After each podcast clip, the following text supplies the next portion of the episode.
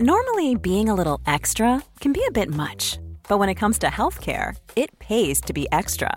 And United Healthcare makes it easy with Health Protector Guard fixed indemnity insurance plans. Underwritten by Golden Rule Insurance Company, they supplement your primary plan, helping you manage out of pocket costs without the usual requirements and restrictions like deductibles and enrollment periods. So when it comes to covering your medical bills, you can feel good about being a little extra. Visit uh1.com to find the Health Protector Guard plan for you.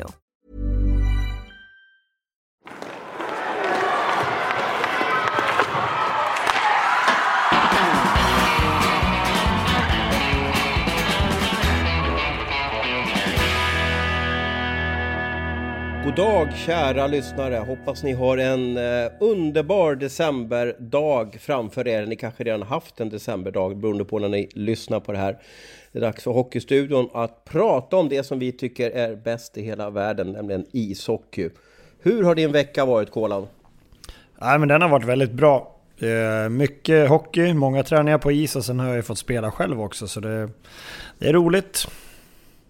Ja, säger väl som den här eh, Thomas Ledin sa. Eh, eh, vad gör du nu för tiden? Varför hör du aldrig av dig? Vad gör du nu för tiden? Alltså vad, vad, vad sysslar du med? Förutom att du är poddstjärna.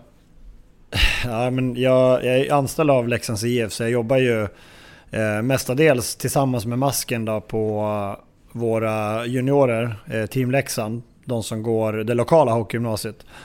Och sen hjälper jag till lite på damsidan och sen har jag hockeyklass också. Så att, eh, det är det jag sysslar med på, på dagarna. Och sen nu har jag gjort comeback i division 3 så um, jag har att göra på kvällarna med. Är livet roligare nu än när du var liksom aktiv hockeyspelare? Nej, det vet jag inte. Det är två olika saker. Jag, jag kände ändå att uh, jag var väldigt klar med hockey på elitnivå när jag slutade. Uh, sen tycker jag att det här är otroligt roligt att bara få komma ner i ett omklädningsrum och eh, ha det surret som, som man har. Eh, fokuset ligger ju inte på att man ska, i mitt fall, att jag ska bli bättre på ishockey utan det är bara roligt att vara där och prata med killar och, och lära känna nytt folk och sen så gå ut och spela någon match då och då. Mm, mm. Ja, vad roligt. Har ni chans att gå upp till division 2 tror du? Ja, det är klart vi har.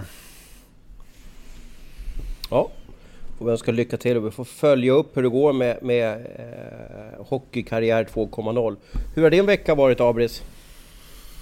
Det har varit mycket hockey känns det som. Man märker när det växlar upp till tre matcher att det blir, eh, det blir lite annorlunda. Det går inte att såsa i början på veckan utan det, det, det var full, full fart på krislagen direkt där från eh, tisdag, torsdag, lördag. Mm, du är ju placerad i, eller du bor i Gävle så att du av naturliga skäl kollar oftast på, på, på Brynäs matcher. Hur, hur mår Brynäs nu då? Hur, hur, hur är, hur är liksom stämningen i föreningen och i, i staden?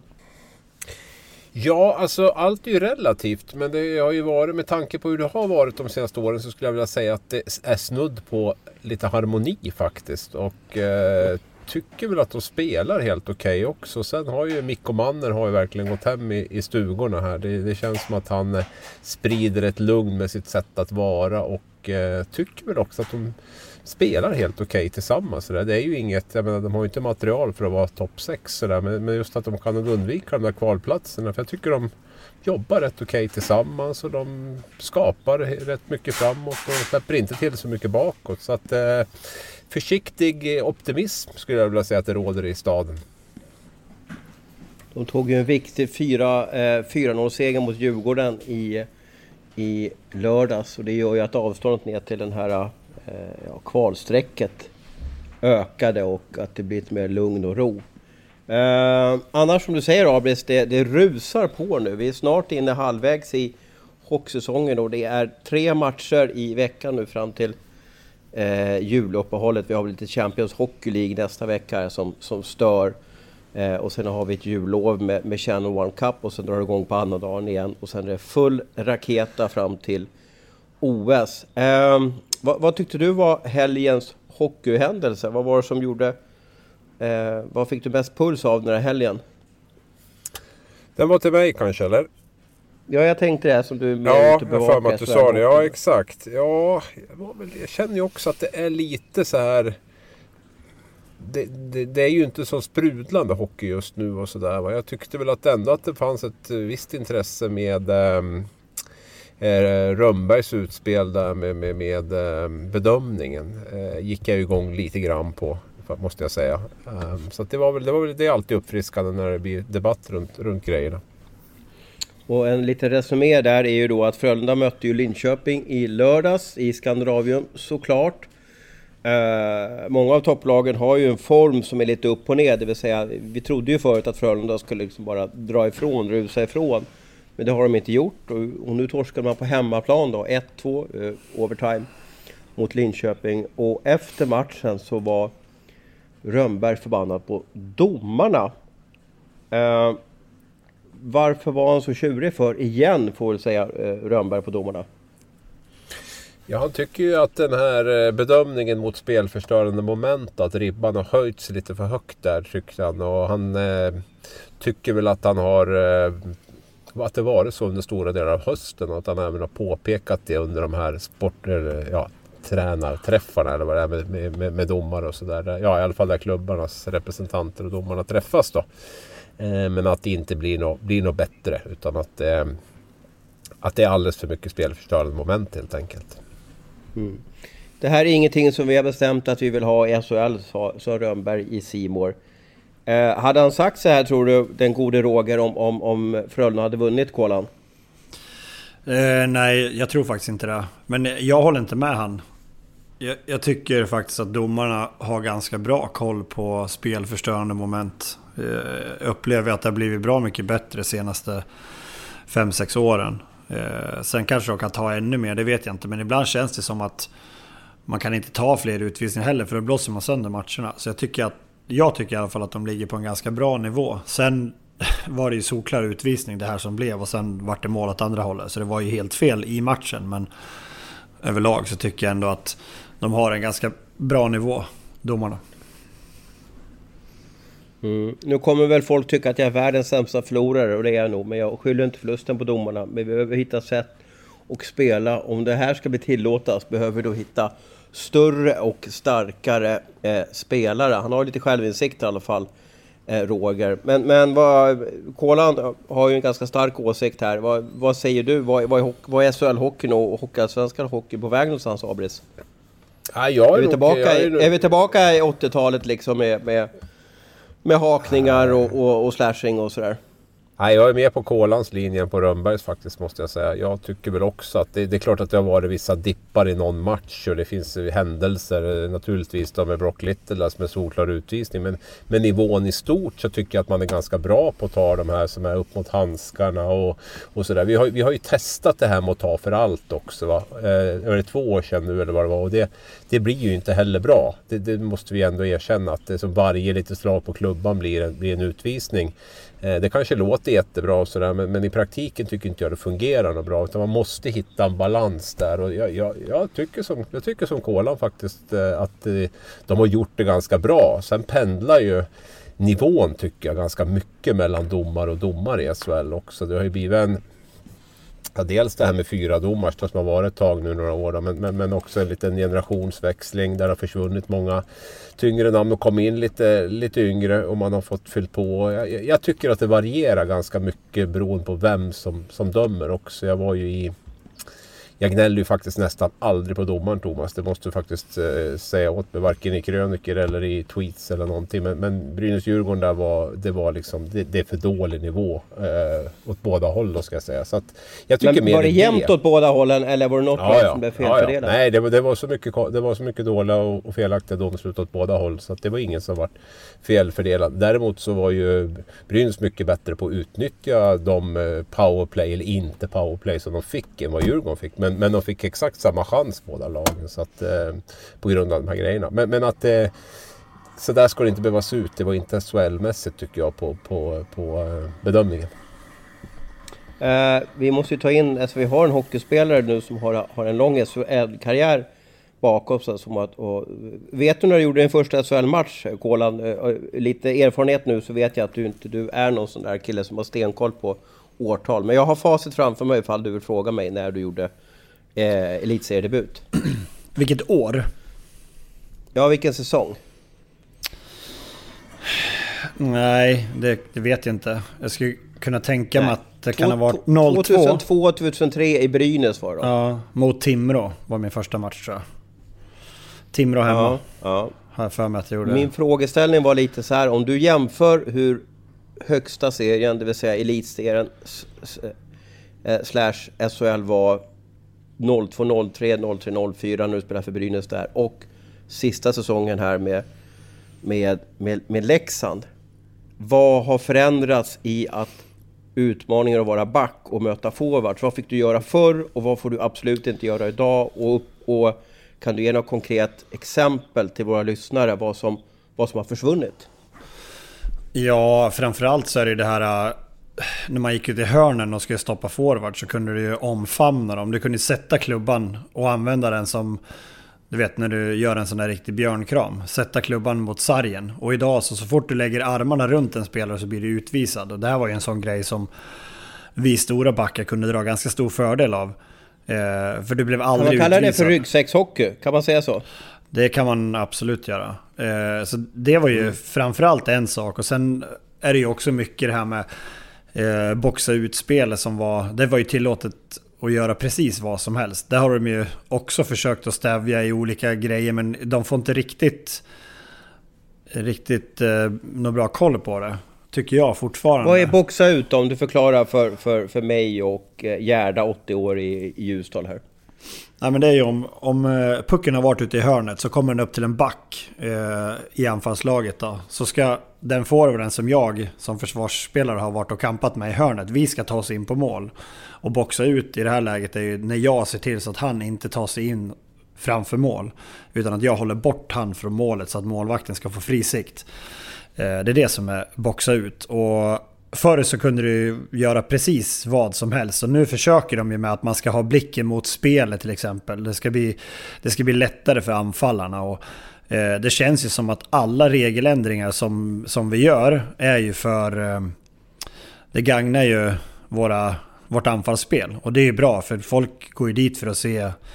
Jag menar man vill ju egentligen inte se backar som står och boxar ut eller backar som står och kramas i hörnet utan man vill ju se Ryan Lash slå de här passningarna Eh, öppna upp ett försvar och så vidare. Så mm, det är väl... Eh, hockeyn har ju förändrats till det bättre och jag tror att någonstans där i, i mitten, ska jag säga vid 2010 och, och framåt så hände det ju någonting där nästan alla stora backar försvann. De här äldre, det, det funkar liksom inte längre.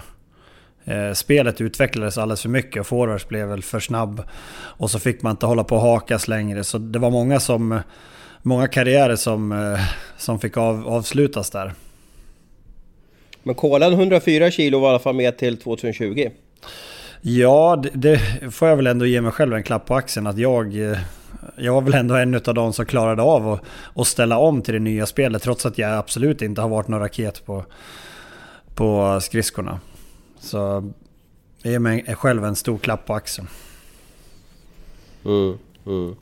Eh, om vi försöker få in Abris här då. Vad, Rönnberg var ju på något sätt, det är en sak, men det är oftast, det, det blir ju som lite populärt kanske på den här årstiden att, att sätta press på domarna. Eh, klarar domarna stå emot sånt här Abris tror du? Eller nästa match som Frölunda spelar, kommer de få lite fördel för att de har läst de här artiklarna som flög överallt att, att eh, de inte tar rätt utvisningar mot Frölunda? Det kan nog bli precis tvärtom också. Minst lika gärna. Jag tror inte, att domarna kanske är än mer eh, noga med att försöka visa att man inte faller för trycket från, från Rönnberg. Vilket kan, kan innebära att man kanske att det kanske till och med mot, motarbetar syftet som, som de har i det här. Jag, jag ser mer en frustration. Jag såg ju stora delar av den matchen. Jag var tvungen att sticka upp och på rinken en sväng där och till kvällsmatchen. Men, men alltså det är ju en, det är en frustration också med Frölundas spel. Det kändes lite grann igår som det kanske såg ut stora delar av förra året där man går ut och gasar från början men inte skapar speciellt mycket och där motståndarna gör första målet och sen så håller man på och försöker och försöker och försöker men det är väldigt trubbigt och uddlöst liksom. Jag menar, normalt sett ska ju Frölunda göra en hel del mål på Linköping på hemmaplan. Oavsett om Linköping får göra någon liten hakning extra eller någonting sånt här. Men jag, jag tycker mer att det liksom är, en, är lite, lite soppatorsk där i, i deras offensiv faktiskt. Som, som handlar väldigt mycket om, tycker jag fortfarande, om att sätta press, sätta press, sätta press. Och, ehm, och, och sådär. Och det, nej, jag tycker många motståndare har blivit, blivit bättre att läsa av dem där också. Och när de inte har sitt powerplay som, som, eh, som de får utdelning i så blir de sårbara. Frölunda har nu också tre förluster på de senaste eh, fyra matcherna. Eh, eller räknar jag fel nu? Ska jag dubbelkolla lite på det här. Har, har du facit exakt Abris här eller hur? Ja, de har väl tre, tre enpoängare va? Om inte jag är helt fel på det. Så det är tre raka förluster i alla fall på den här veckan. Då, så har det väl blivit...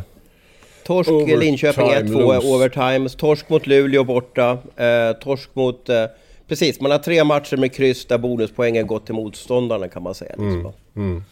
Eh, och man har sex, tagit sex tre... mål framåt.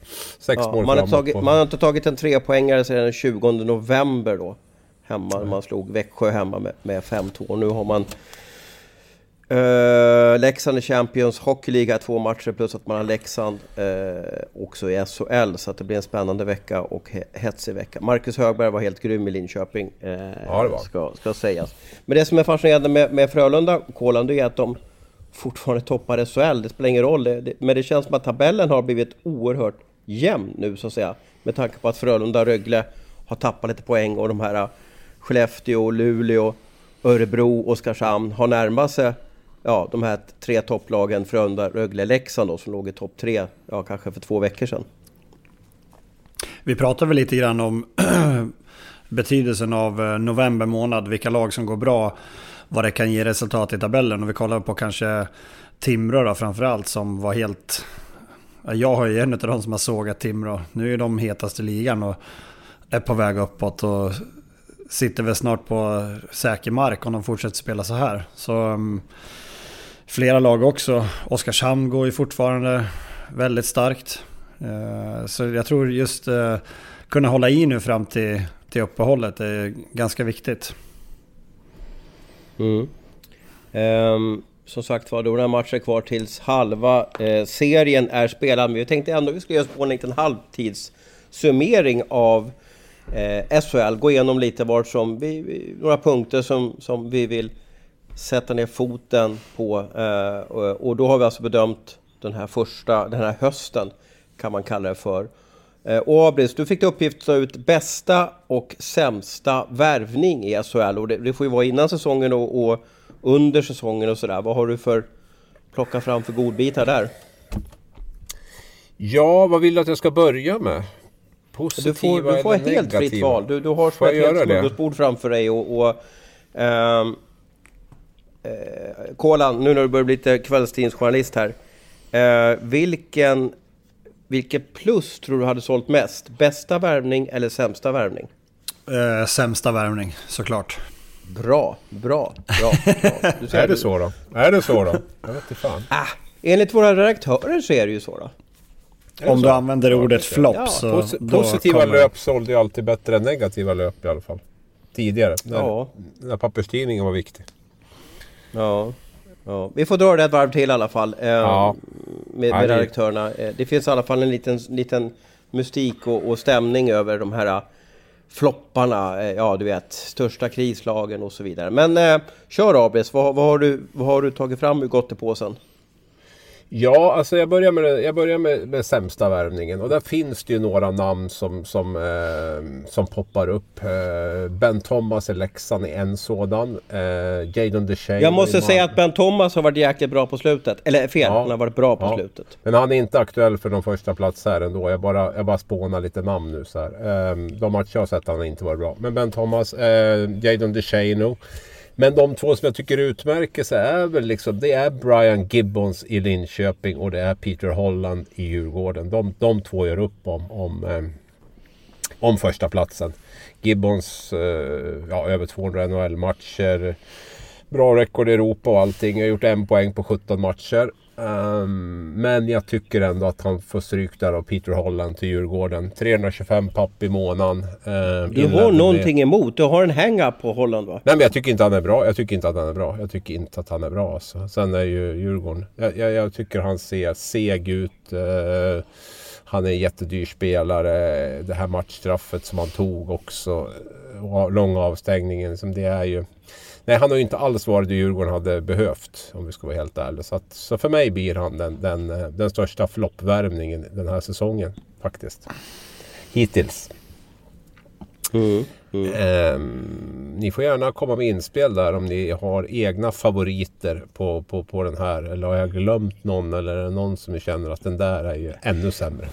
Vi glömmer ju väldigt snabbt gör vi, eh, när någon spelare har fått lämna ett lag, typ Lorito som har fått lämna eh, Djurgården. Där, man glömmer ju de här namnen, de, de liksom finns inte riktigt. Så att det är ju lätt att glömma någon som har varit kort tid i en klubb och sen bara försvinner bort då. Eh, visst hade Oskarshamn någon spelare också där om jag minns rätt, alltså man, man kickade snabbt innan, innan klockan hann slå halv sju då. Eh, det som är fascinerande... Vem, vem var det? det som, Nej, jag vet Vem? inte. Bara något som... Nej, Oskarshamn lyckas ju med allt. Känns det som. Mm -hmm. Ja, jag vet inte. Jag hade ju han... Um... Ja, jag, jag kom inte på att de har skickat någon. Ja, men Lorito fick ju kicken från Djurgården och så vidare ganska snabbt. Eh, Holland kan jag nog tycka att har en ganska otacksam uppgift. Att han, har nog kom, han, han har nog inte fattat vilken typ av lag han har kommit till. Han har kommit till ja, största krislaget vi haft i, i, i svensk hockey på, ja, på många år om vi ser till poängskörden. Och det kanske, han är kanske inte en sån spelare som gör sina lagspelare bättre. Han kanske behöver någon bredvid sig som, som drar med honom. Eh, sådär. Eh, och Barry Smith och sen så kom, ja, blev han borta och så vidare. Men, men eh, eh sett till hans CV så ska han ju producera mer. Men jag vet att du sa till mig Abes, alltså när han, innan han hade spelat sin första match att hmm, undrar hur det här går? För du hade lite kontakter i Tyskland där, där, där det var lite rykten att han kanske inte var den liksom, ödmjukaste hockeyspelaren. Och jag vet inte om det var Tyskland, men vi säger väl att det var Tyskland. Det låter som att vi skyddar våra källor bra om vi säger Tyskland i alla fall. Ja, um, utom, utomlands kan vi vara överens Utomlands kan vi säga att det var. Ja, jag tror inte att det var i Tyskland vad jag vet. Men, men uh, oavsett så, nej det var lite varningsklockor där och det visste, det visste Djurgården om också. Men man, han är ju samtidigt en skicklig spelare. Jag, jag lägger väl inte hela skulden på honom. Det är klart att det, det är ju ett haveri till stora delar Djurgårdens eh, höst här och det är ju, det är ju inte så jättemånga som har som har stuckit ut på ett positivt sätt. Men, men, men det är klart att med de förväntningar som ändå var på, på, på honom och det man har betalat och, och, och, så vidare så, så är det ju för mig en, en jätteflopp. Mm, och så till den, eh, den som säljer mest löp då enligt Abris då. Den, den mm. mest, mest lyckade värvningen. Ja, här finns det ju lite olika parametrar att ta hänsyn till naturligtvis. Jag kan ju tycka en sån som Ryan Lash är ju, har ju betytt otroligt mycket för, för Frölunda. Jag tror han var inne på varenda powerplay-mål de har gjort och, och, och sådär. Samtidigt är han väldigt dyr.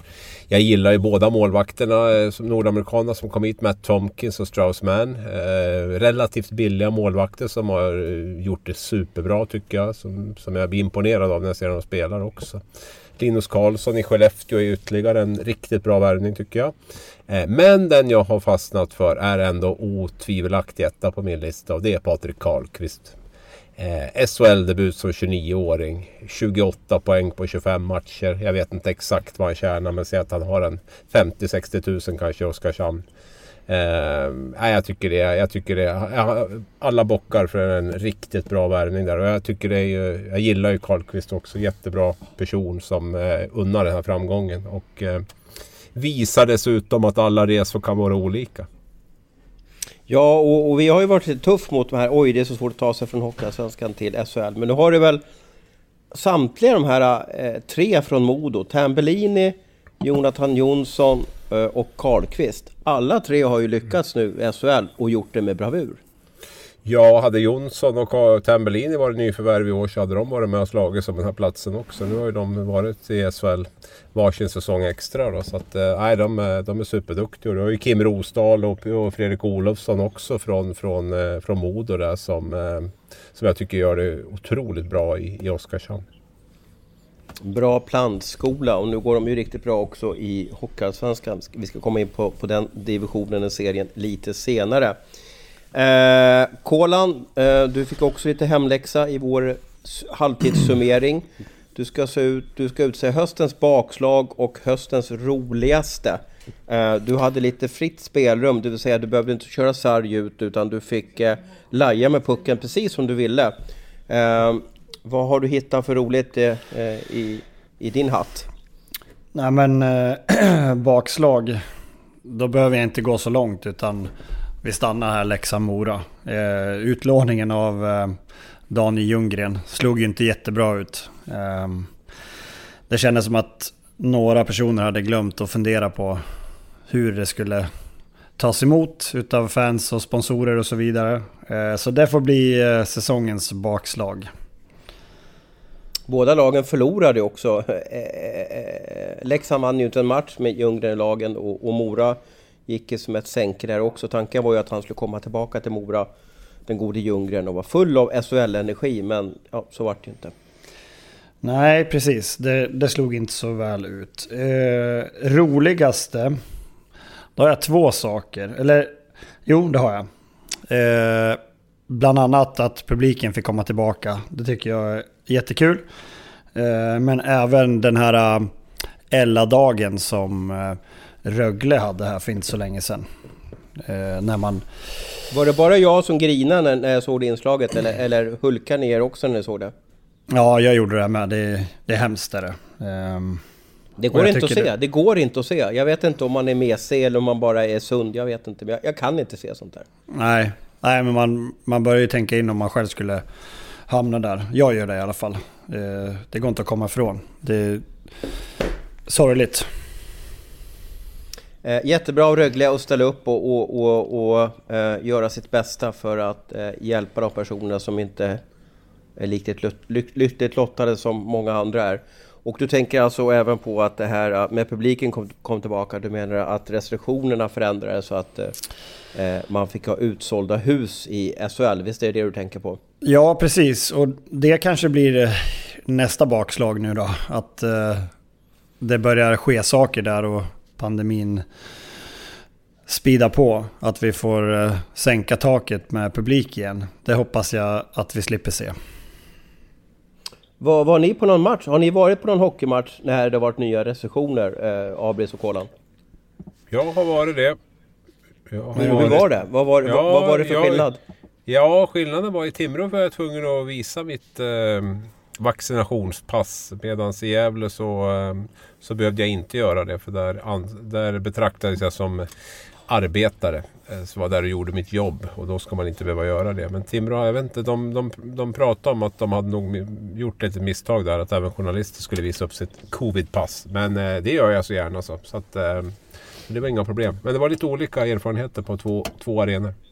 Men gick det smidigt? Kom folk in? Alltså han, han, när, när matchen startade, eh, var det långa köer? Eller, eller, och kommer det här tära sönder klubbarna att stå och hålla på och skanna massa koder inför matcherna? Alltså jämför man med vad, vilka, vilka problem det var förra säsongen så känns det väl här som en baggis på något sätt. Va? Det är väl bara att folk, så fort man kommer in i det. Jag, jag hade faktiskt ett utgång ett sånt där covidpass. Jag fick ladda hem mitt då, så det tog väl några sekunder extra. Eh, och det var säkert inte jag ensam om. Så, att, eh, så det är väl lite ringrostigt kanske på, på både publik och, och arrangörer i början. Men, men eh, det ska inte behöva betyda något det här. Eh, att, eh, det ska gå ganska smidigt framöver tror jag. Jag tycker det är konstigt att de som jobbar på match, hockeyspelare, funktionärer, media med mera. Eh, vi behöver inte, vi kan vara vaccinvägrare och ändå få komma in men, men de som kan betalar du... 400 spänn för att se matchen, de, de, får inte göra det. Ja, lite knepigt. Men kan, men, men kan, du kräva det? Det är ju som en arbetsplats liksom. Jag tror inte du kan kräva Jo då, det finns säkert regler. Det finns säkert regler. Jag håller med, men jag kan tycka... Lyfter man sig lite ifrån och kollar från helikopterperspektiv så är det lite knepigt kan jag tycka. Det finns många saker som är ganska knepiga med va? Jo, jag var, jag var på julmarknad i Gamla stan idag. Uh, jag kan säga att det var... Jag har aldrig sett så mycket folk på så liten yta. Mm. Uh, och jag fick nästan krupp av... av alltså jag, det gick knappt att gå någonstans. Jag, jag, jag sa vi måste gå härifrån, det går inte. Jag, jag, fixar inte det här. Och det är ju lite oro för, för smitta och så vidare. Och där behövde man ju inte visa upp någon QR-kod eller, eller någonting. Utan där var det bara fritt fram och stå andas på vem som helst då eh, och sådär. Så att, eh, men är man över 100 pers på, på Hovet eller Globen eller Skandinavium då, då är det andra regler som gäller. Nu ska vi inte vara allt för negativt. Eh, bra jobbat Kolan. Eh, var det svårt att ta fram det här? Ja, jag, jag tyckte jag hade de svåraste punkterna. Men det blir alltid så. Du brukar ja. skicka det svåra på mig. Ja, precis. På rookien i gänget. Här, ja, får jobba hårdast. Uh, jag uh, gav mig själv uppgiften att dela ut årets MVP, alltså Most Valuable Player, och årets händelse i svensk hockey. Eh, MVP är ju sådär, eh, jag gav den till mig själv för att den är kanske lättast och roligast då. Eh, därför tyckte jag att den passar mig att ta ut. Eh, jag valde väl kanske mellan, jag älskar ju alltid Brook Little. Eh, han gjorde ju fantastiskt bra mot Frölunda. Jag, alltid, jag tycker det är så kul att se honom på isen. Jag tycker det är så kul att se hans målgester. När han, han, kast, han gjorde väl den här Sellene-målgesten nu när han kastade upp handsken och, och liksom sköt efter den. Eh, här i Göteborg senast. Jag, jag, jag, tycker om hans energi och glädje och han, han, är ju lite MVP för, för Linköping. Jag vet inte hur många matcher jag sett han som han har avgjort genom åren. Eh, sen är jag förtjust i den du nämnde, eh, Abris Ryan Lash. Eh, men den jag valt nu, och, det är enbart på grund av hans målkunskap. Att han är så oerhört skicklig på att sätta puckarna. Jag har aldrig varit med om en kille som, som bara behöver en halvchans och sen bara nyper till den. Och jag tänker på Max Verneau i, i Leksand som eh, jag såg någon Simor eh, grafik där att fortsätter han som han gjort nu så kommer han komma in på plats tre bland alla tiders målskyttar under en säsong i eh, SHL. Och det är ju givetvis guden Håkan Loob som leder den listan. Men det här var ju ingenting som man kanske liksom riktigt trodde skulle kunna ske 2021 eller 2022 när hockeyn är helt annorlunda än det var för, förut. Då. Men, men Max Verneau för mig, eh, han är MVP och det är bara på grund av hans kunskap och skicklighet när det handlar om att sätta dit pucken. Vad, du har ju följt honom på nära håll, Kolan. Vad, vad, vad, vad går du igång på när du ser honom? Want flexibility? Take yoga. Want flexibility with your health insurance? Check out United Healthcare Insurance Plans. Underwritten by Golden Rule Insurance Company, they offer flexible, budget friendly medical, dental, and vision coverage that may be right for you. More at uh1.com. Ja, men framförallt hur han, han nosar sig till de här lägena. Det är inte, han gör ju en del frilägesmål men han hittar ju alltid åkvägar så han, så han kan få pucken i slottet. Han spelar ju med Camper och, och Zacke nu. Alltså han får ju väldigt bra passningar men han, eh, han är för jävlig på att hitta ytan.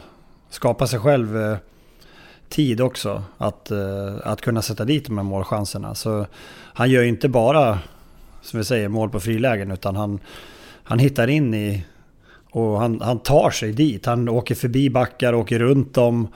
Eh, så han är ju inne i skiten också. Så han, han vill verkligen göra mål och det syns ganska tydligt. Och snabb på dörren. Ja, något fruktansvärt. Det är nog få som... Det är han och Nygård som... De är väl lite lika skulle jag tro. Mm, mm. Och den här säsongen har ju Max varit en bättre eh, målskytten. Eh, vår kollega Mattias Karlsson, eh, alltså din namne Kolan, Mm. Eh, noterade att han sätter puckarna väldigt ofta mellan benen. Eh, vad, jag, jag bollar mot dig Kolan igen där, för ursäkta Abis, att jag inte får in det här. Men jag bara känner hur... Vad, vad, vad, vad tänker man i liksom frilägen och så vidare? Vad liksom, så här, du har väl också haft en friläge. Vad, vad är det som gör just att man att han väljer och kanske många andra sätter den mellan benen. Det är lite ovanligt att göra det. Ofta så siktar man på kryssen eller någon dragning, backen form. Han skjuter ju liksom lite tidigt i steget, för att prata fotboll, mellan mm. benen på målvakten. Till att börja med så frågar du fel person, för jag kommer ju i stort sett aldrig fri. Så ja, jag att, vet. Jag vet. Men jag, jag, kände ändå att din, din karriär här var, var, kanske var lite... Ja, men Abis har varit forward. Vi bollar in Abis. Ja, exakt. Ja, vad fan ja. får inte jag för att svara på det? Ja, nej. Ja. Jag, var ju så, jag var ju så vass målskytt. Eh, nej, men så här tror jag det är. Det som är, alltså, be, mellan benen är ju ett bra ställe att skjuta på. Problemet är att det ser så jävla dåligt ut om man missar den. Jag var ju en sån här som aldrig vågade chansa mellan benen. För det kände att så här, men de här målskyttarna som är så här skickliga och liksom har den här precisionen och självförtroendet och så. De vågar ju gå också på, på det här mellan benen. Och som du säger också att man skjuter i ett, i ett lite tidigare skede, eller ett lite annorlunda skede än vad målvakten förväntar sig. Mitt i skäret eller, eller, eller, eller liksom bara ett snabbt av, avslut och sådär. Då, då finns det ganska mycket plats där. Men det ser jävligt töntigt ut när man, när man missar de där mellan bena grejerna. För då ser det ut som att man skjuter liksom så här mitt på målvakten ungefär. Liksom. Och, eh, så det tror jag är en stor anledning att de här skickliga målskyttarna kan, kan gå på det. Det är ju lika de här tre decimeterna ovanför isen. Även om det har blivit lite mera utbrett nu. Men det är också en sån här... Missar du där med, med några centimeter så, så är det, ser det ju också ut som ett ganska dåligt avslut. Då är det ju bättre att sikta på kryss och skjuta precis över eller något sånt här. Och, och, och, och då ser det ändå lite häftigare ut. Det smäller lite i plexit och så. Så att det, det känns som att det är nära. um, så det, det var min teori. Vad tyckte du om den? Nej, jag håller med. Ja, den är bra. Men, sen, men om vi nördar ner oss lite där i, i, i avslutan. Går pucken under målvaktsklubban eller över målvaktsklubban? Liksom mellan benskydden? Eller var sätter han dem? Är det någon som har liksom studerat det där? Över va? Den går ju över oftast. Ja, annars kör ju målvakten fel. Så att det, det är ju ja, jag funderar på om det är att målvakten ja. rör sig lite bakåt och lyfter på spaden. Att det är det som gör. Men det måste ju vara att han har ett, en sweet spot. Att han siktar. Hur hög kan en målvaktsklubba vara? En dess kanske? Strax under? 15. Ja, ja kanske ja. 10-12. Men det måste ju vara att han siktar då, vi säger 13 cm ovanför isen hela tiden mm. i mellanbenen. För där, där, finns det ju, där är ju en öppning i så fall. Och ja, ett tag är det ju. Oftast går de ju ner målvakterna. Va? Så att det, blir, det blir ju stängt där om man skjuter i fel läge. Liksom. Det, det, det gäller ju att, att överraska när skottet eh, avlossas också. Då, lite grann. Målvakterna ser ju också väldigt dåliga ut när man gör mål mellan benen. Mm. Ja, för de, st de står still och liksom ja, på, på hälarna bokstavligen. Då. Ja. Men det krävs en viss eh, skicklighetsnivå. Ja, fortsätt. Ja. Det mm. Men jag funder, målvakterna borde ju lära sig det här. I alla fall målvaktstränarna borde ju lära sig här när man, när man gör någon typ av video. Ja, men det, det, där är ju som, med, det där är ju som med alla grejer. Att du, du, kan, du, alltså, du drar ju det där täcket hela tiden. Det är klart, det finns ju alltid någon, någon eh, någon fläck som, som, som du inte kommer åt att försvara. Det är ju som det här, den här debatten med att målvakterna sitter ner. Alltså jag menar, ja, det är klart, men de räddar ju mer ändå om de går ner än om de skulle stå upp hela tiden. Det, det är ju ganska självklart och det är ju samma sak med, med det här. Det är klart att de vet att det kommer men de måste ju också lämna en liten lucka någonstans. Känner du ju, men det ska till väldigt mycket skicklighet för att, för att sätta dem på de här ställena. Om det så är högt uppe i krysset i första stolpen eller mellan benen eller sådär. Så att det är den, det är ju den yta som de ändå känner är, är liksom svårast att göra mål på. Mm. Eh, vi får se om hans eh, eh mål, eh, vad ska man kalla det för fyrverkeri, fortsätter eh, den här säsongen. Nu ska han ju mäta Matt Tomkins troligtvis i tre matcher. Det är ju inte lätt att göra mål på honom. Som eh, höstens händelse, eller säsongens hittills händelse, så måste jag liksom nämna en klubb som har varit med om så många knepiga, konstiga händelser eh, under hela, hela hela hösten här. Ehm, och det är ju Djurgårdens IF då. Det som de har varit med om. Ehm, från säsongen startade. Rekrytering av Barry Smith, William Eklund drog till San Jose, klubben hade ingen aning om det.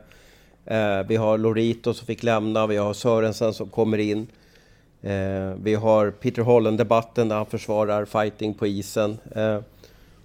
Och vi har Barry Smiths sorti, vi har Falk som ska ta över laget.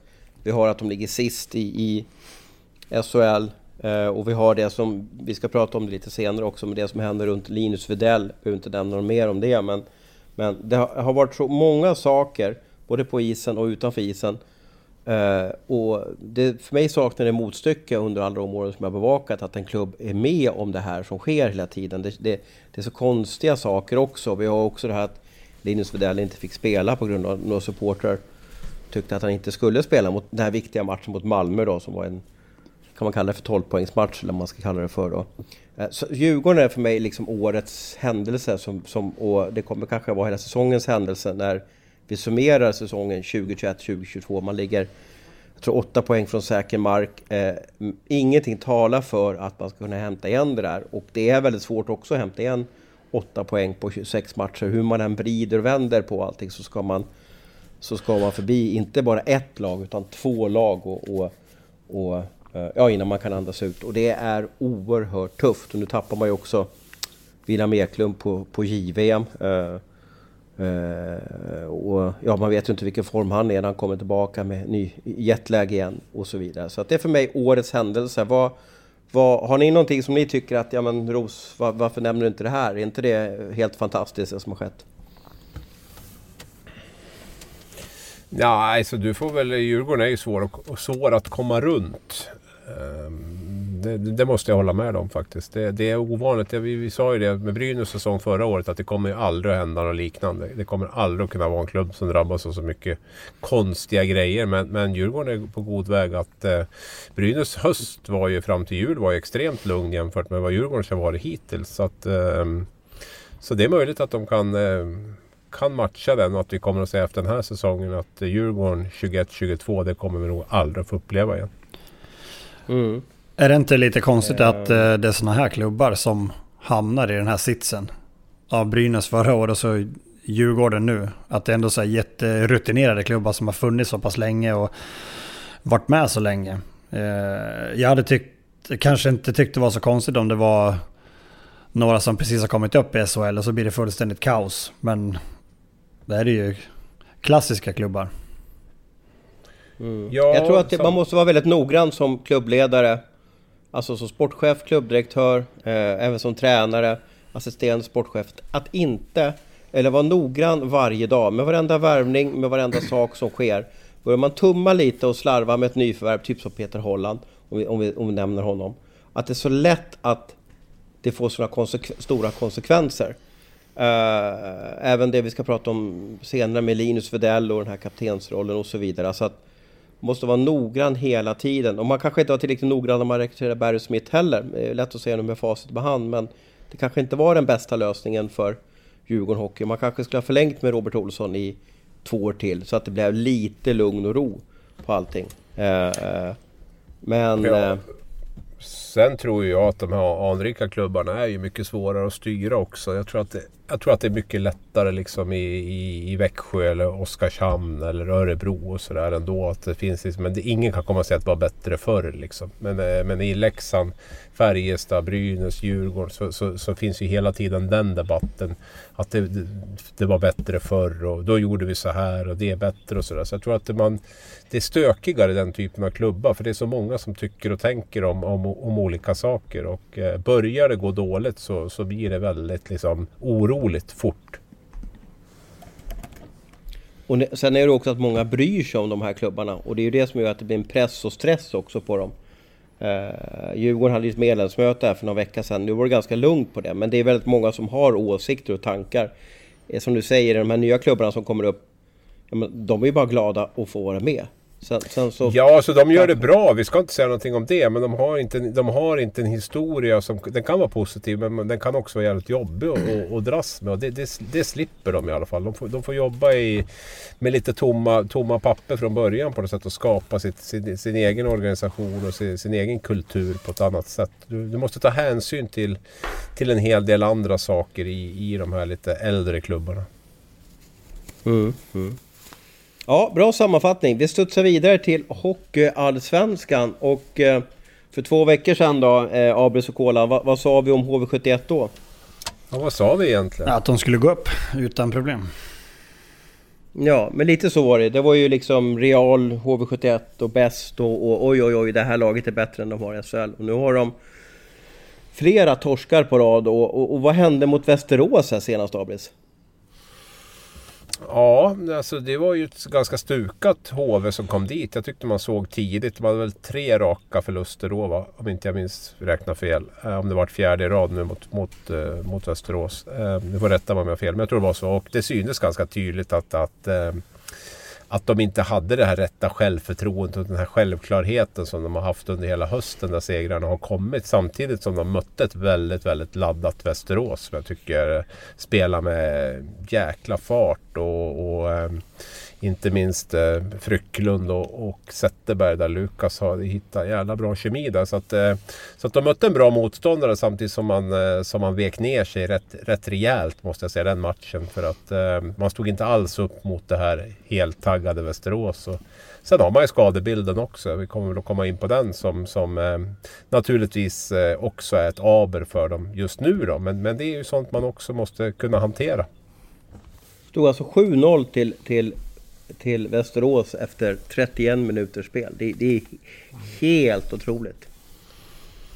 Ja, ja nej, men det var ett, det var ett, ja, det var ett lag i, i förfall och man, man tittade runt hela tiden och tänkte vem ska ta tag i det här nu? Och jag, jag såg ingen faktiskt där som eh, som kände sig manad eller hade förmågan eller, eller kompetensen att just liksom ta tag i det på något sätt. Va? Nu, nu hade man ju Taylor Mattsson och, och Önerud borta och, och även Fredrik Forsberg då. Så att, eh, och då, då blir man sårbar. Men jag skrev också någon tweet om jag tror att det här är det absolut bästa som kunde hända HV. För att jag har ju ändå tyckt att de har fått lite mer poäng kanske än vad de har spelat sig till den här hösten. Och att gå igenom en säsong bara utan några problem jag tror inte det är perfekt när man ska in i ett tufft slutspel sen. Och jag menar, de hade blivit synade på det här garanterat i ett slutspel. Så jag tror att det är jättebra för dem att de eh, får, eh, får den här käftsmällen, får försöka analysera vad de behöver kanske få in. Om de behöver värva lite andra karaktärer eller om de liksom som lag kommer ihop på ett annat sätt och så här. För att eh,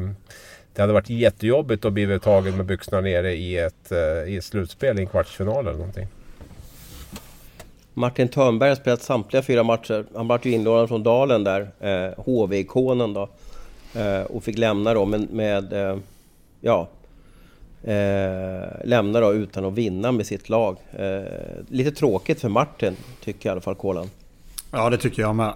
Jag hade hoppats att han skulle gå in och göra ett mål eller någonting. Det hade jag ändå unnat han. Um, nu har inte jag sett någon av de här matcherna så jag vet inte alls hur hur spelet har sett ut. Men eh, bara av att se resultatet så tycker jag ju också att det, det, är lite tråkigt. Man hade, man hade önskat ett gott slut men det är inte säkert att det är över än heller. Eh, man ser och läser så finns det väl möjlighet att han kanske skulle kunna få komma tillbaks. Men ja, vi får väl se framöver.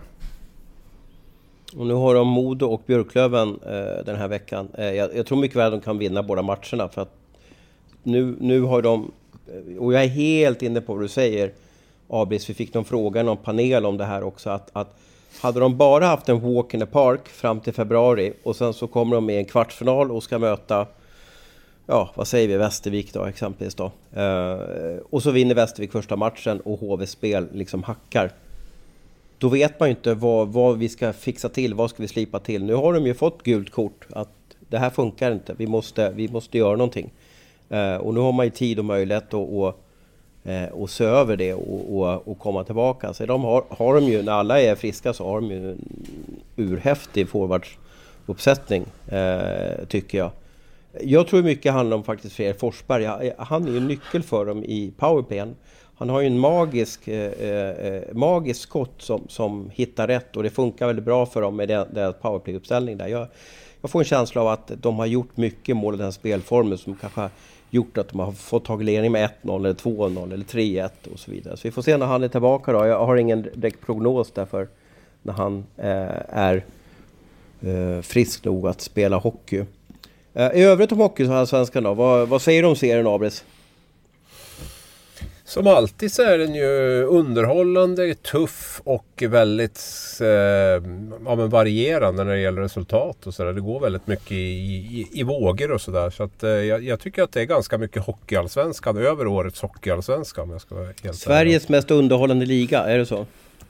Ja, de vill ju gärna få det till det i alla fall. Sen, sen, sen kan väl jag tycka att eh, både SHL och till, till viss del Hockeyettan också är, och SDHL är underhållande. Men ja, nej, men det Nej men det, det, det är något speciellt med Hockeyallsvenskan. Många anrika klubbar och, och häftiga ishallar och sådär. Så ja, eh, okej. Okay. Det är en av Sveriges häftigaste hockeyligor i alla fall. Eh, Modo leder serien nu. Eh, HV har ju första gången säsongen tappat greppet om första platsen. Björklöven är trea. Plats 13 och 14 har vi Almtuna och eh, eh, Troja. Mora har gjort en liten resa uppåt i serien. AIK och Södertälje har det fortsatt eh, tungt. Eh, vilka två lag tror du möts i, i finalen? Ja, den Hockeyallsvenska finalen där en plats i SHL står på spel, Kolan, i, i, ja, i april här. Jag tror nog att det kan bli eh, Björklöven och HV71. Okej, okay. vad, vad, vad, faller Modo på tror du? Vad, vad är det som gör att de inte... Liksom, de, just nu är de bästa laget utanför SHL. Ja, ja men absolut. Eh, de kan mycket väl vara en outsider, men eh, jag tror ändå över sju matcher så har jag svårt att se att de ska kunna rubba Björklöven eller HV. Så därav så tror jag att de skulle mycket väl kunna gå och vinna serien. Men jag tror inte att de, att de löser den bästa av sju mot HV eller, eller Björklöven. De är för tunga och de har säkert inte värvat färdigt heller, de här två lagen. Nej, det finns ju eh, finns ett oerhört intresse i eh, Örnsköldsvik. Eh, måste ge dem det. Alltså de har eh, eh en bra publik, även fast det bara var 2000 mot Tingsryd. Nu kanske Tingsryd inte är det laget som, eh, som, som kanske man springer benen av sig för att se. Då, speciellt kanske inte i Övik. Det finns väl ingen rivalitet där uppe. Men man är väl... Um, finns det något annat vi be behöver nämna om, om serien, Kolan? Ja, men jag skulle bara säga att man är ganska glad för Modos skull att det går bra igen. Eh, med tanke på att de skulle ja, förbereda sig för ett kval uppåt och sen så avbröt säsongen och så försvann tränare och alla toppspelare försvann. Eh, så Modo fick börja om. Nu tycker jag ändå att det är kul att se att de är tillbaka där de ska vara, i toppen på allsvenskan och vara med och nosa på SHL igen. Det är ändå en sån förening. Eh, sen måste vi väl plussa för Kristianstad som går otroligt bra. Eh, dubbla segrar mot HV här för inte alls länge sedan. Eh, minussida får vi väl ge till Södertälje där allting verkar gå fel just nu. Mm, osams med supportrar och ja, du vet allting. Och sen...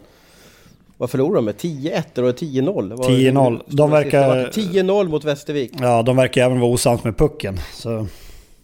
Det är inte ja. mycket som går deras väg. De åkte ner till Västervik och spelade i Plivit Arena uh, inför 838 åskådare och förlorade med 10-0. Jag har faktiskt förlorat med 7-0 mot Västervik. Borta. Okej. Okay. Med, med Leksand eller Karlskrona eller? Nej, med Karlskrona. Våran första träningsmatch okay. på säsongen fick vi stryk med 7-0. Så jag vet också hur det har blivit utspelade. Arena, väldigt speciell arena. Det är som en sån här gammal tennistält nästan. Uh, Pressläktaren är på, eh, på en balkong på kortsidan kan jag berätta. Man sitter bakom ena målet eh, och sådär. Så att eh, väldigt speciell arena.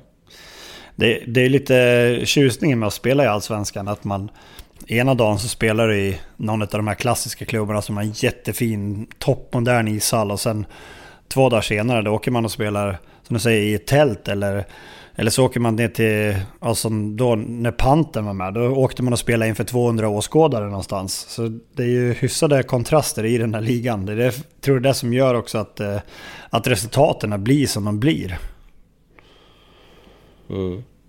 Och sen är arenanamnen börjar bli lite häftiga också. Plivit Arena, eh, Upplands Bilforum Arena eh, och sen har vi, eh, ni, ni, har väl koll på vad Björklöven, Björklövens nya arenanamn är? Är det någon som tar den? På uppstuds? Nej, ett telekombolag förut vet jag. T3 eller Vin, Vinpos Arena heter den. Ja. Ja, det var du som sa häftigt. Jag tycker väl kanske inte att de är så häftiga de där namnen. Ja, men, men annorlunda. Jag, jag sa ja. häftigt för att vara positiv. Vi ser annorlunda. Uh, ja. Men då har jag glömt den roligaste arenanamnet som jag har alltid i alla tider lyft fram som jag tycker är urhäftigt. Det är ju Tingsryds arena. Uh, Nelson har du arenanamnet där Kolan? Nelson Garden. Nelson Garden Arena. Mm. När man tänker på, då tänker jag på Madison Square Garden va? Men här har vi Nelson Garden Arena då. Nu har jag vi tänk... Husqvarna Garden också. Ja. Men, men eh, har ni varit i Tingsryds Arena? Oj, nu låter vi nu så negativa här. Men det är ju det är kanske oh, ja. väldigt långt ifrån Madison Square Garden om, om ni förstår vad jag menar. Ja, det, det finns inte så många likheter mellan de två tyvärr. Lite synd. Mm. Ja, de gör det bra lagen där och det ska bli urspännande att följa vad som händer i Hockeyallsvenskan.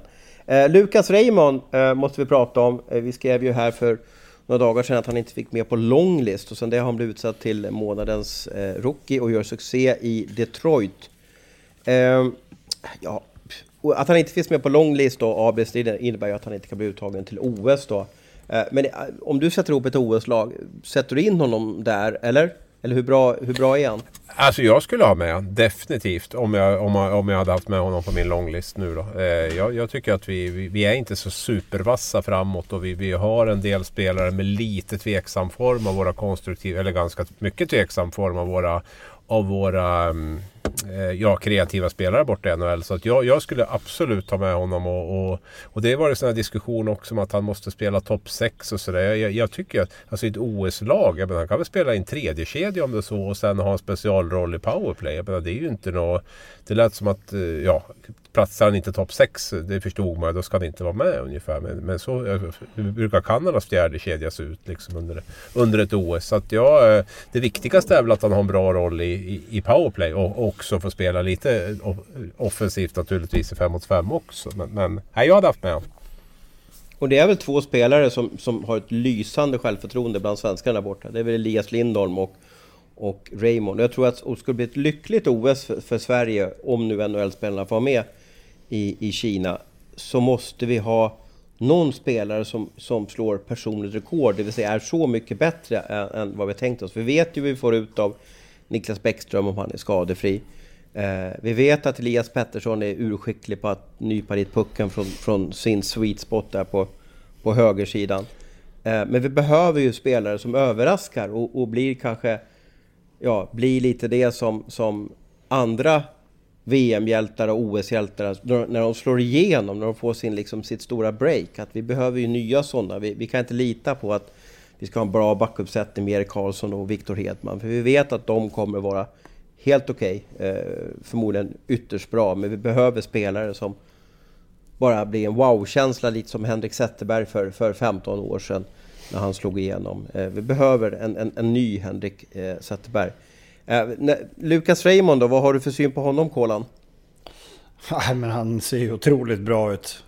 Jag, när man ser de här unga spelarna som åker över, man, jag i alla fall tänker ofta så här att Kommer det verkligen att fungera? Jag tänkte likadant med Elias Pettersson. Att, ja, han är så liten, men han var ju så jäkla bra i SHL så det var ju inget snack om saken. Han kommer ju, han kommer ju bli bäst där borta med.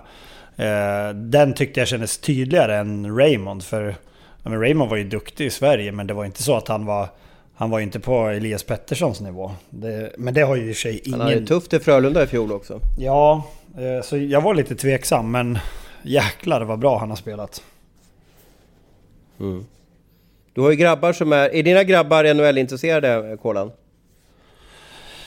Ja, jag vet, jo men det är de väl. Uh, men jag menar, vi följer inte NHL på det sättet som att... Uh, det är ingen som sitter vaken och kollar de babbla på. om. Vilka är det som är stora stjärnor där borta? Alltså jag tänkte på om, om de sitter... Jag, vet, jag, jag har några grabbar som jag hänger med där, Benjamin och Elliot. Och de, de, de, de pratar ju om liksom... Eh, de spelar tv-spel, alltså NHL-spelen där. Och då nämner de massa namn och så vidare. Så att jag märker att de är väldigt inne på att... Ja, om jag skulle nämna Mats Sundin och Peter Forsberg för dem skulle de bara titta på mig och säga va? Vilka är det ungefär? Men de har stenkoll på de här nya stjärnorna som kommer upp. Ja, nej men det är klart att de har koll på Raymond och sen jag tror många som förra året pratade mycket om Elias Pettersson. Det är, ju... det är ändå våran framtid och de flesta kommer väl ihåg hur bra han var i Sverige och sen så han hade ju fantastiskt rookie i år. Så jag tror nog att det är väl han, men sen är mycket Conor McDavid. Det är svårt att komma ifrån med alla highlight-mål som han gör. Eh, det är ju det som ungarna ser. De ser de här klippen på Instagram och TikTok och allt vad det nu är. Så jag tror ändå att han, han tar nog första platsen.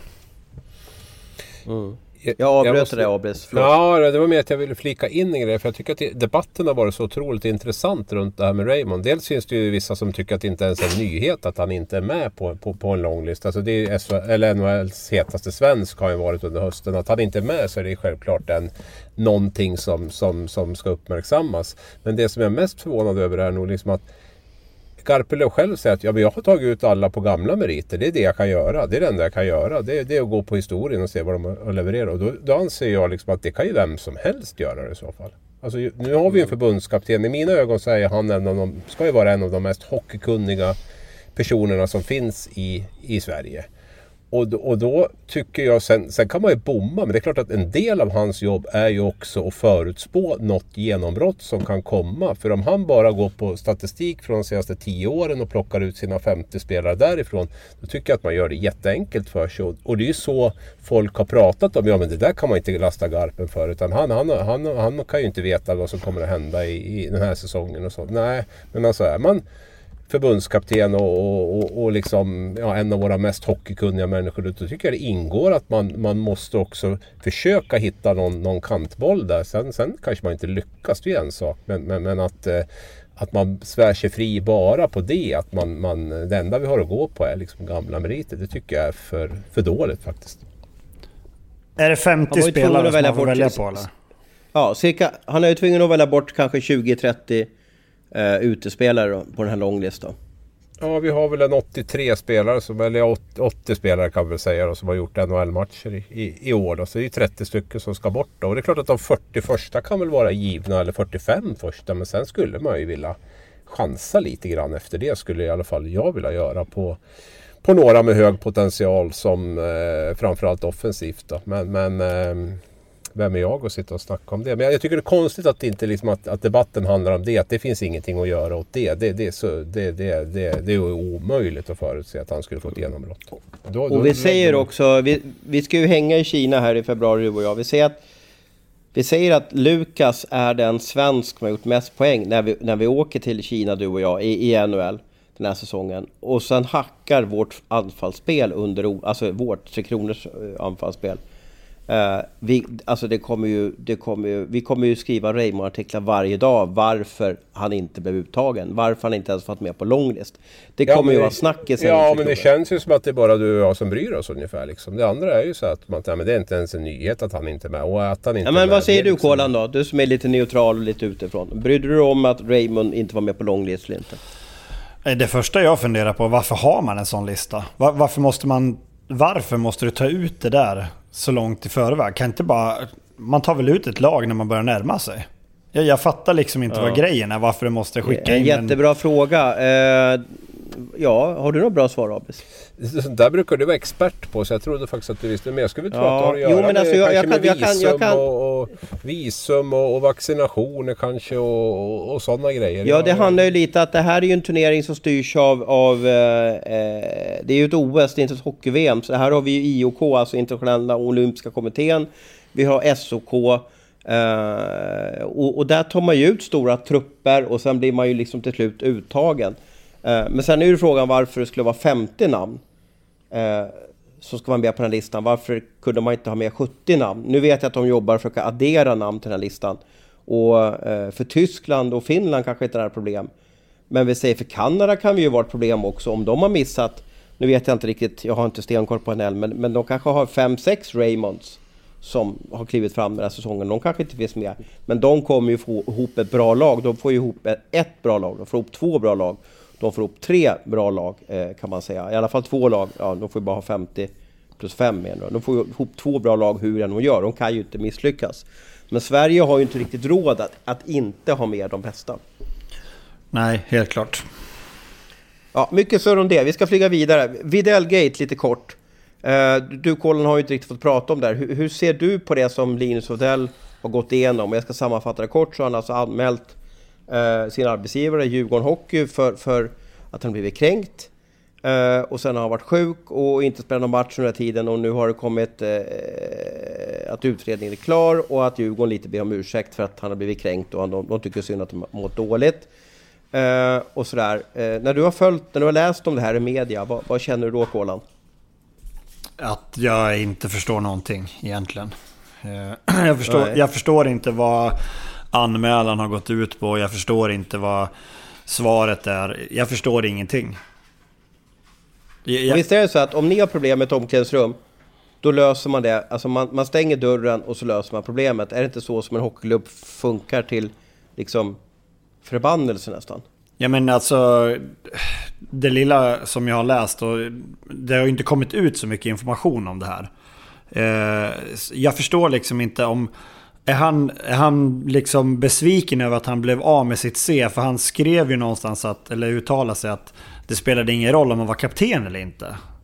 Eh, så, så jag förstår, jag, jag säger det, jag förstår verkligen inte. Ni, ni får jättegärna hjälpa mig, men jag, jag fattar ingenting av hela den här situationen. Är han, är, han, är, det eh, inte, är, inte proceduren, är inte proceduren runt hur, eh, hur han blev av med sitt C eh, som, som är själva, själva knäckfrågan då i, i, i hans... Eh, ja, det han upplever som en problematik då, som, jag, som jag förstår det. Sen, sen kanske okay. han kan säga att jag, jag behöver inte ha ett C på bröstet men jag vill att det ska gå till på rätt sätt när jag blir av med det. Typ, ungefär. Jag, alltså, så har jag uppfattat i alla fall. Att han det kanske kom tillbaka till omklädningsrummet och så satt C på Sörensons tröja och då tyckte han att det här skulle jag väl fått information om.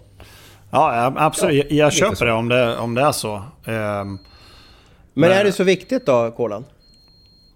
Nej, alltså... Nej, det, det tycker inte jag. Uh, men det kanske han tycker. Det är, det är så olika för person till person. För en del så är det jätteviktigt om du har en bokstav på tröjan kanske. Och det vill man ju... Uh, man kanske är väldigt stolt över det till exempel. Och, och så vidare. Uh, jag, jag, som jag säger igen, jag fattar liksom inte vad, hur det kan ha blivit en anmälan på det. Och det har ju mynnat ut i in, inte ett jävla skit, om vi ska vara helt ärliga. Ja, det är väl bara Nej. att Linus har fått du, ännu mer skit egentligen. Ja, du fick väl lite skit för att du gick ut och kritiserade Karlskrona en gång i tiden, eh, Kolan? Stämmer bra. Vad, vad blev det för effekt av det? Alltså, fick du fan, nu, nu är det helt olika fanskulturer i Karlskrona som det är i Djurgården, men, men kände du dig bekväm att spela för Karlskrona efter det? Jo, men alltså det var inga problem så. Men sen vet jag ju att i Djurgården så är det ju väldigt speciellt just med fans och så vidare. Men, eh, ja, men som, som, i vårat fall så var det ju att jag... Jag sa ju till innan, för det, handlade ju, det var ju en pengafråga. Vi hade ju inte fått, vi hade inte fått våra, våra pensionspengar. Och eh, Karlskrona ville värva, värva in ny spelare. Och då sa vi där när de var nere hos oss att Ni får jättegärna värva nya spelare men vi vill ha våra pengar först. Annars så kommer det inte att bli bra. Eh, och problemet är att vi alla tycker samma sak men det är, det är typ en eller två som vågar säga det. Och det är, det är vi som får skit och vi som, som vågar säga det utåt. Så, så är det ju alltid. De, de flesta i ett omklädningsrum tycker likadant men de, de vågar ju inte säga någonting. För, de, för allt för få Nej. vågar ju ha en, en åsikt. Eh, och det är väl ändå en sån sak som jag själv alltid har tyckt att eh, rätt ska vara rätt. Och sen så har väl det blivit backfire på mig själv då ganska många gånger. Alltså, samma sak uppe i Timrå med när det fattas alltså flera hundratusentals kronor och ändå så folk tycker tycker samma sak men det är ingen som vågar säga någonting. Så mm. ja, vi är för jävla fega är vi. Mm. Um, vi har ju fått uppgifter under helgen, Abris, eller förresten vi stannar med Widell där. Att, uh, hur var det mot Brynäs? Uh, han, var inte ens, han var inte med på bussen upp till, till Gävle va?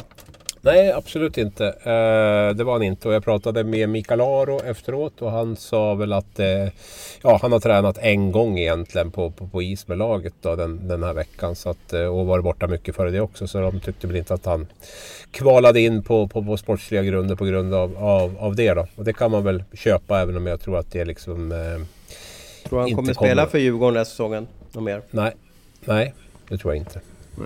Jo, det jag försökte komma till är också Djurgården att de, det har ju ryktats under helgen att de ska ta in en ny tränare. Eh, om det blir ett komplement till, till Aro och Falk eh, eller om det är någon som blir headcoach, det vet vi inte. Vi, vi liksom vi försöker vända på stenar som det så lite lattjo heter i vår bransch och få lite mer information om det här. Men vi är inte just nu eh, i läge att publicera någonting att han eller hon tar över Djurgården.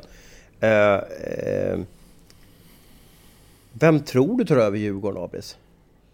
Blir det ett starkt meriterat namn eller blir det typ Micke Holmqvist från de egna leden? Nej, men jag tror ändå att i så fall att man går på ett, på ett meriterat namn. Sen, eh, sen vet jag inte riktigt hur Joakim Eriksson tänker för jag tror väl fortfarande att det är han som, som sitter på, på beslutsrätten när det, när, när det gäller det där. Men jag tror att styrelsen har flyttat allt närmare, eh, flyttat fram sina positioner. Man brukar göra det när det, när det krisar. Så att, eh, Eh, nej, det kan ju liksom vara, det kan ju vara ett namn som Stefan Lund som, som, som kan dyka upp. Liksom, det ska ju vara någon som vill ta det här uppdraget också. För det är klart att det är inte, du kommer ju inte till till eh, dukat bord direkt. Utan eh, det är ganska tufft jobb. Du har ganska mycket att förlora på det här. För att även om Djurgården har en del skickliga spelare så är ju ah, det kollektiva spelet är ju under all, all kritik i allt för många matcher egentligen. Så att det, det finns väldigt mycket som man måste rätta till och en spelargrupp som jag inte alls känner kanske synkar ihop heller. Men visst, kan man vända på det så kan man ju få ut väldigt mycket positiv energi ur... ur eh, vi såg lite grann hur, hur Boumedienne och Nils Ekman kom in i Brynäs. Men det var ju en väldigt kort period också. Det här är ju betydligt längre. Så att, eh, det, det, är en väldigt stor utmaning tror jag. Och jag vet inte hur många som är liksom beredd att hoppa på den. Ekman till Djurgården kanske? Eller? Frågetecken? Ja, jag tror inte att uh, han är Joakim Eriksson kompatibel riktigt om jag ska vara helt ärlig. Jag, jag, vet, jag får inte den känslan Nej. om att de riktigt går i takt. Om, om, nu, om nu Joakim Eriksson blir kvar. Han får ju mycket skit. Mm. Vi får se. Uh, vi ska lite silly season uh, tema också i programmet innan vi släpper er och ni får gå tillbaka till saker som är mycket viktigare än att lyssna på oss. Du släppte en tweet igår, lite nyheter från Brynäs, eller Brynäs målvaktsjakt. Eh, kan du summera det, Abris?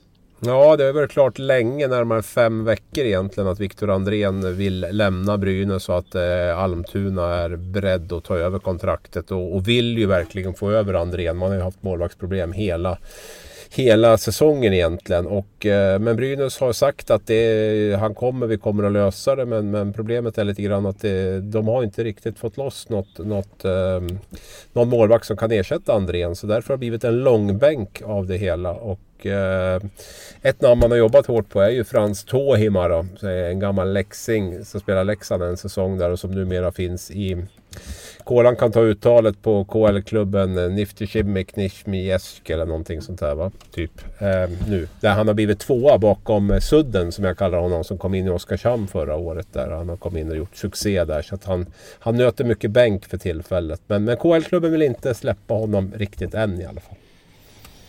Mm. Vad, är, vad säger du om uttalet Kolan? Ja, men jag funderar på om det är Nektihimik Nishnikamsk. Är det dem? Ja, lite så tror jag. jag vet inte om, om, det kan vara den. Ja, det, det, det, du kunde inte ens lista ut alltså vilken klubb det var på mitt uttal. Det säger en hel del faktiskt. Men, men jag, jag tycker det, du har nog rätt där. Du till ja, okay. Jag tror du bara skulle behöva korrigera lite grann, men du var tvungen att fundera på vilken klubb. Ja, men det, det, är, skit, det är skitsvårt att säga om det. Jag, jag kan säkert ha fel jag också. Nej, den där var klockren. Den där kändes bra. Det, det, det kände jag hela inne märgen. Ja, nej. Det, sen är det väl lite surre Rögle, Thomas? Ja, precis, precis. Lite många kockar. Eh, ja, många kockar på backsidan kanske nu när Erik Jelinas har förstärkt laget. Det ryktas också att Cody Curran eh, är på väg tillbaka. Eh, Cody Curran sitter på ett envägsavtal och har bara spelat fyra matcher i San Diego Gulls. Underbart namn på ett farmarlag för övrigt. San Diego Gulls. Om jag någon gång och det är ju givetvis för sent, skulle bli hockeyproffs så skulle jag vilja spela för Long Beach Ice Dogs eller San Diego Gulls. Ja, det, det klingar så vackert. Eh, men men om, om Karin också kommer, det är lite osäkert, så sitter man med oerhört många backar. Och det vi hör det är att om det är från spelarna eller Rögles sida, det skulle låta osagt, det finns säkert en kombination. Det är att det funkar inte så bra för Tony Sund, eh, finska eh, landslagsbacken.